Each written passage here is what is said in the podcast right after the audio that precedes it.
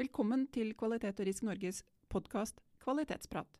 Det kan forekomme egenreklame for våre kurs og konferanser.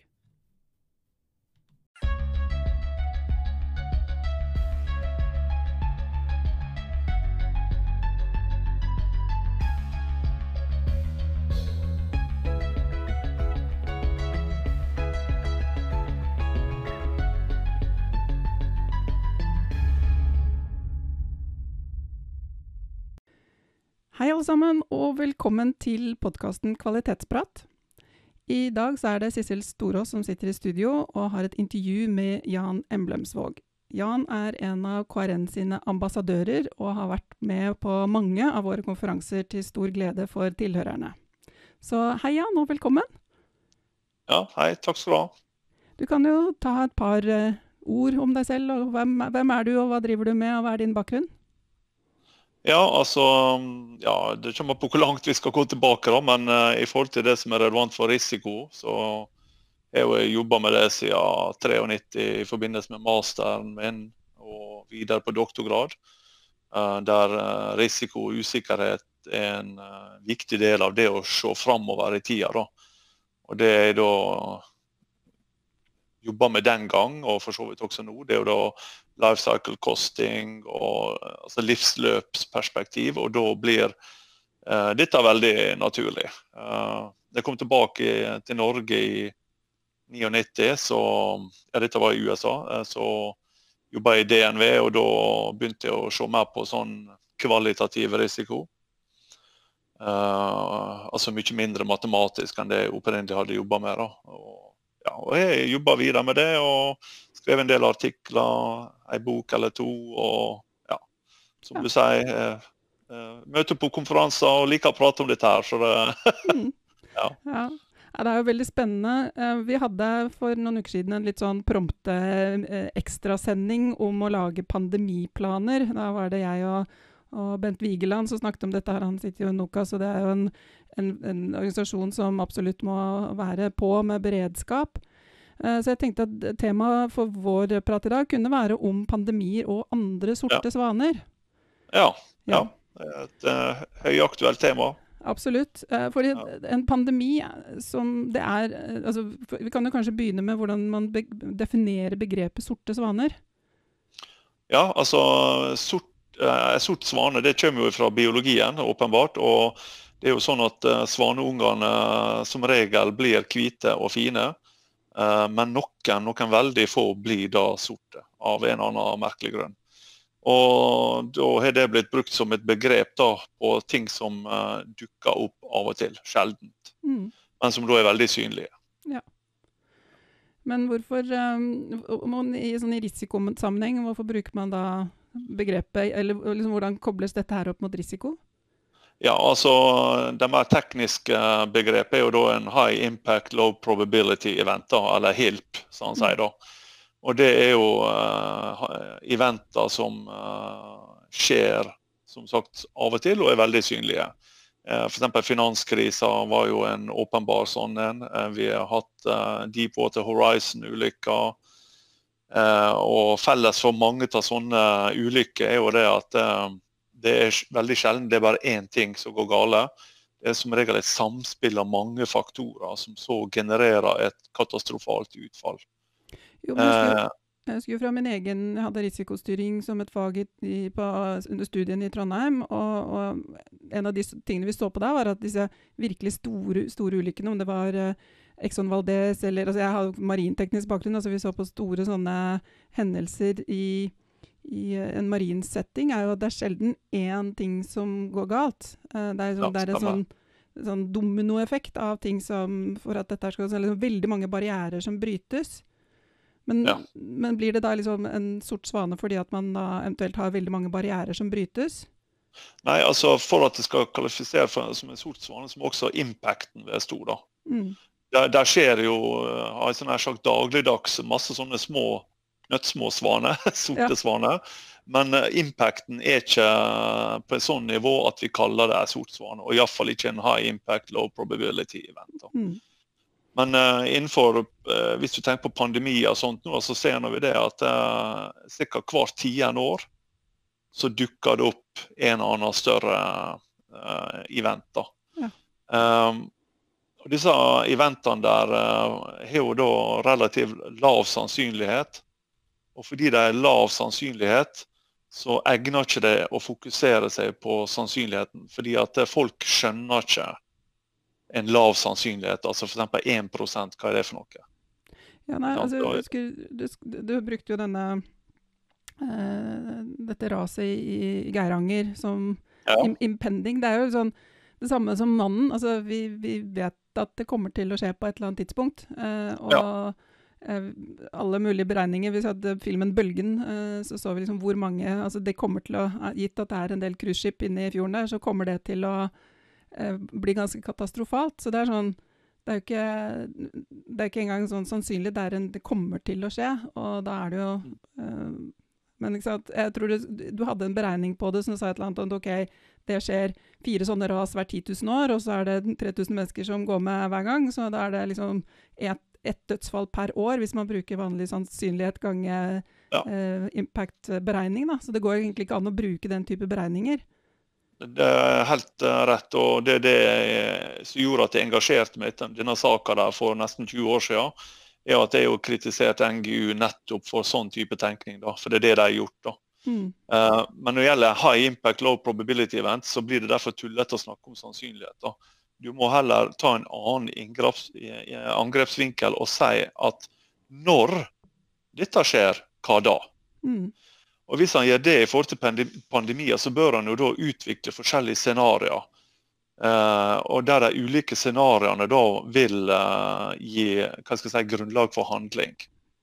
Ja, for Det er mitt inntrykk også at de, de selskapene som er gode på dette, her, som um, har gode beredskapsorganisasjoner kanskje uh, Jeg har jobbet selv i oljeindustrien, og der har man jo kjent for å ha gode beredskapsplaner. Det samme i maritim bransje, altså rederi så har man jo sånne ferdig klare emergency-planer som man setter i gang når man eh, ser at noe har skjedd. Jeg vet jeg jobber også nå med, med Direktoratet for strålevern og atomberedskap. og de, jo, de, setter jo stab hvis det er en atomulykke et eller annet sted i verden. Så er de med en gang ute og har eh, laga seg scenarioer og kan plukke frem måtte, den mest relevante fra hylla og er liksom klar. Ja. Men, men er, det, er, det, noe alle bør ha? Bør alle ha en pandemiplan, eller en, en eller annen form for beredskapsplan for uh... Nei, eh, absolutt alle blir jo en overdrivelse. Men uh, i alle fall de som mest sannsynlig må trå på banen i en sånn situasjon. Uh, sånn som helsevesenet f.eks. er jo en åpenbar kandidat. Og Når han da hører at de har utstyr for ei uke, så kan han jo virkelig begynne å lure på hva slags risiko og vurderinger som blir gjort ja. der i går. Ja. Det, for å si det sånn, det hadde jo aldri holdt i, i, i mange andre organisasjoner. Ja, det er jo derfor vi, Hva kan vi lære av en sånn, sånn, hendelse eller en sånn type situasjon som vi er i nå? Da? Hva, hva er liksom, hvis responsen er å ha beredskapsplaner? eller en mm. Du kan si det som vi snakka om på den siste konferansen, da, mer generelt om complex risk. da. Ja. Eh, og da ikke nødvendigvis bare high impact, low probability events, men komplekse risker generelt sett, så er buffering egentlig den eneste løsninga som han har per dags dato. Ja, hvordan, og, du må definere komplekse risker, eh, Jan. Hva innebærer ja, det? Ja, En kompleks risiko er da en risiko som oppstår som en konsekvens av et samspill mellom mange ulike faktorer, der samspillet ikke er nødvendigvis godt definert. Mm. Så det er sånn så, altså I faglitteraturen så har han et begrep som heter 'emergence', eh, om komplekse system. Og disse riskene der, der emerger sakte. Mm. Og Det gjør at veldig mange tradisjonelle måter å se på risiko eh, feiler, fordi at det, disse riskene der er små i utgangspunktet, og, og, og faller derfor naturlig ut fra screeninga. Ja, det blir liksom liggende i grønn sone. Det er ikke liksom oppe i rød sone fordi at man, det er ikke noen sånn umiddelbare ting som man må ha, gjøre tiltak mot. Ikke sant. Og da, men på et eller annet tidspunkt så har disse faktorene et samspill som slår ut uh, og kan generere veldig masse skader. Mm. Ja, det er jo litt den som, som dette med sånn dominoeffekt, ikke sant. At, uh, ja. Så, ja, dominoeffekt eller butterfly-effekt er mange gode begreper. og og, og, og da er buffering en av de få medisinene som virkelig hjelper. Mm. Ja, det og, så, dette med sommerfugleffekt, jeg hørte akkurat at noen nå bruker begrepet flaggermuseffekt på, ja. på covid eller på, på, korona, men uh, det er jo der det starta. Det er liksom én ja, flaggermus uh, har liksom, det er akkurat samme som uh, den ene sommerfuglen som flangrer med vingene og skaper en tornado. Noen uker etterpå så vi, ser vi her ja. at en syk uh, flaggermus som blir uh, håndtert feil på et marked i Kina, har drept over uh, mange, mange hundre tusen mennesker, eller, og godt over 100 000 mennesker til nå. Ja, det, det stemmer. Så mm. en, en, annen element rundt dette med pandemier og generelt high impact, low probability events som påvirker Eh, det offentlige, altså eh, ikke det offentlige, men altså public, altså mm. offentligheten. Offentligheten, ja. ja. Så er jo det med kommunikasjon en veldig viktig del av hele eh, styringssystemet. Mm. Og Der vet han jo også fra mye forskning at, uh, at uh, det å kommunisere disse riskene der er veldig vanskelig. og Derfor så må han hele tida referere dem opp imot noe kjent. Ja. Og noe som virkelig irritert meg disse siste par månedene her nå, det er jo veldig mye media. På måten de eh, legger fram eh, tall på, og måten de beskriver ting på. Det er totalt uten referanse til noe som folk kan forholde seg til. For eksempel, sånn som nå, nå så jeg på nyhetene i dag tidlig at nå er det 153 døde i Norge. Ja. ja OK, 153. Men sant, du sitter jo der og lurer, da, er det mye, er det lite, eller hva er det for noe? Mm. Og nå er jeg sånn skrudd sammen at jeg, altså, jeg er noe glad i tall, så jeg visste noe selvsagt svar på det. Det er og, lite. Det er lite, ja. For mm. det at det, i Norge, i en vanlig influensasesong, så dør det mellom 900 og 1000. Og i en litt uh, verre influensasesong, så er det faktisk helt opp i 1500. Mm. Altså ganger. Men media presenterer dette på en sånn måte som om det er ja, og aller verst her var jo Dagbladet framside for noen uker siden. Som liksom snakka om generasjon døde. Og så bilder av en sånn grav Helt latterlig, altså. Ja. Så, det, så det er iallfall én ting som virkelig bør se på som lærdom etter dette her, det er skal han tillate så mye useriøs mediedekning?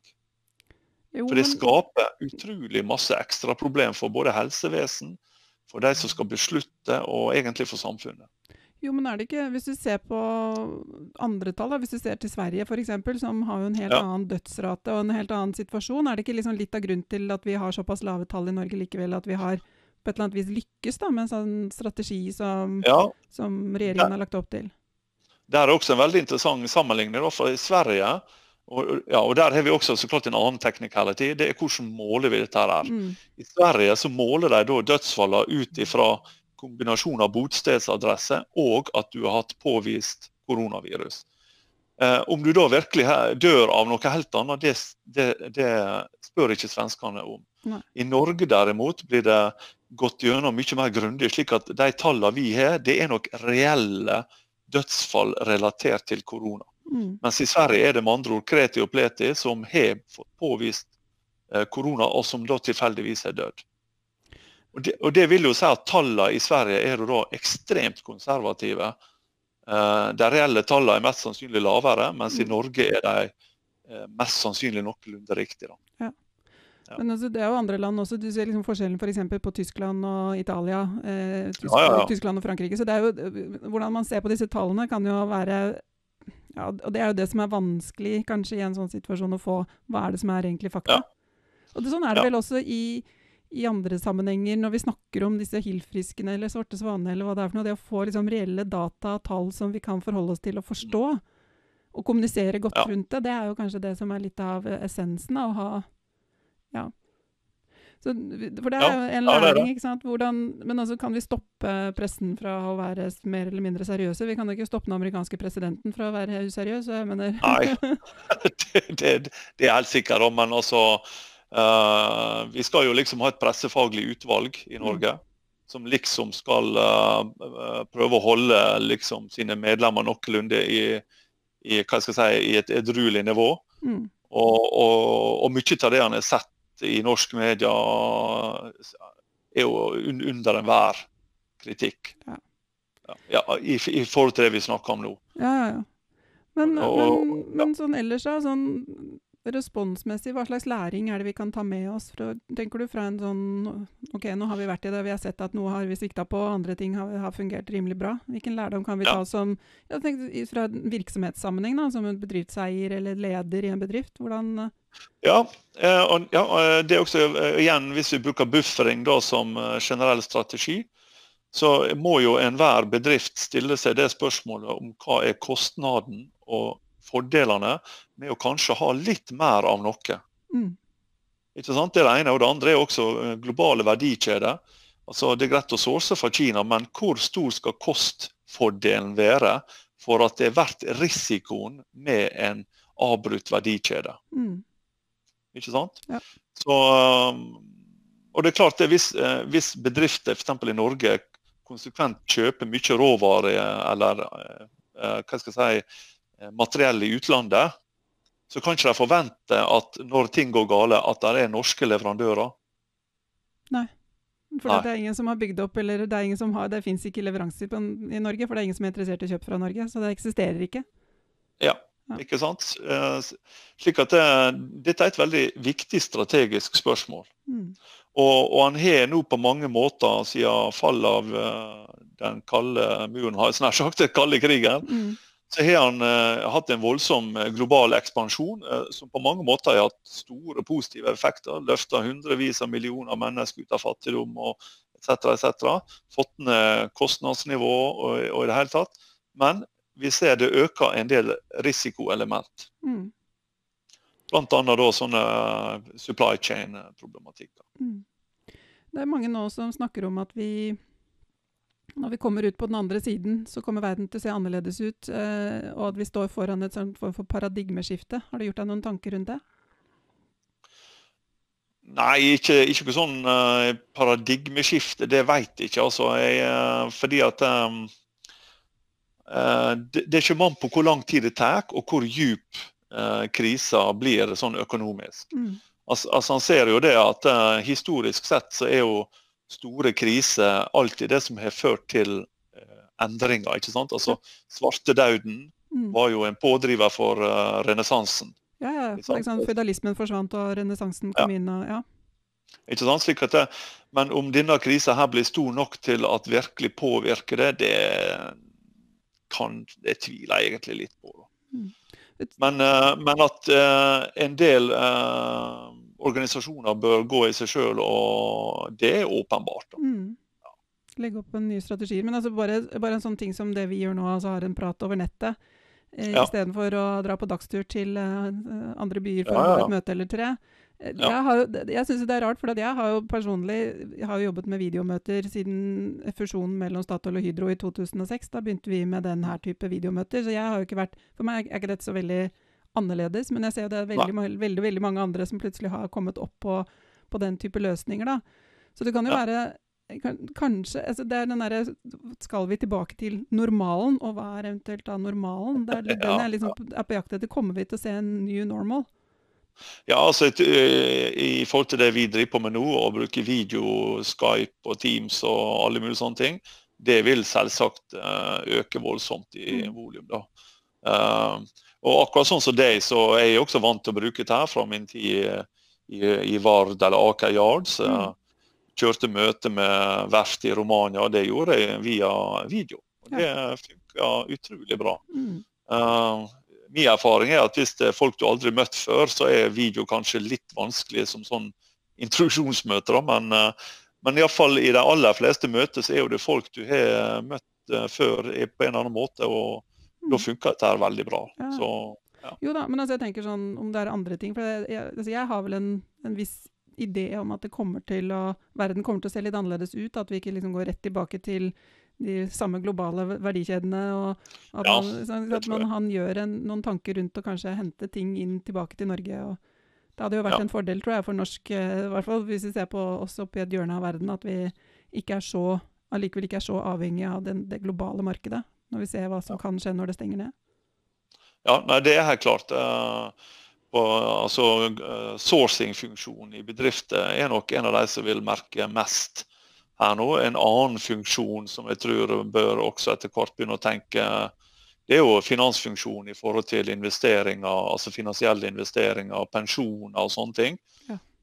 For det er klart at eh, Nå så jeg siste tallene. Kinesisk økonomi er falt med 6,8 ja. Og det er klart at det, eh, det å plassere alt han har av pensjonsfond, eh, pensjoner i aksjefond, mm. er, er, kanskje ikke så veldig lurt altså, in the long run. Mm. Uh, og der vet jeg også at det, altså Finansindustrien påstår gjerne at de kan gi 10% og 15 på return, men det er jo bare tull. Uh, jeg ser det bare på mine egne uh, altså, mm. og, og Da bruker jeg uh, anerkjente norske firmaer. De får jo aldri til 10% Et godt år er liksom 5% return. Mm. Og så vet han også det fra de som har gjort lange studier. De siste 200 åra er gjennomsnittlig return on investment i hele Vesten vært 7,9 ja. Og, og da har du fått med deg to verdenskriger, oljeboom og alt som har gått opp og ned. og mm. altså Virkelig lange linjene. Mm. Ja. Spennende. Du Jan, jeg ser så, at vi begynner å gå litt tom for tid. Så um, jeg syns dette var veldig spennende. Veldig fine um, uh, tanker rundt eh, dette med pandemi og hvordan vi skal forholde oss. Så ja. jeg tror vi skal si tusen, tusen takk for praten. Dette var kjempespennende. Så plukker vi kanskje opp tråden og får et intervju til med deg litt senere. Ja da, den er god, veit du. yes, Flott. Takk skal du ha. Ja, ha det. Programledere for denne podkasten var Siri Mathisen og Sissel Storås. Eh, ansvarlig produsent er Torolf Paulshus. Produsent er Bent Vigeland. Administrativt Anlegg Åstad. Musikk Karsten Boe. Studio har vært i KRN sine lokaler i Sandvika, og vi har fått teknisk bistand fra Jakob Storås hos S-Media ungdomsbedrift.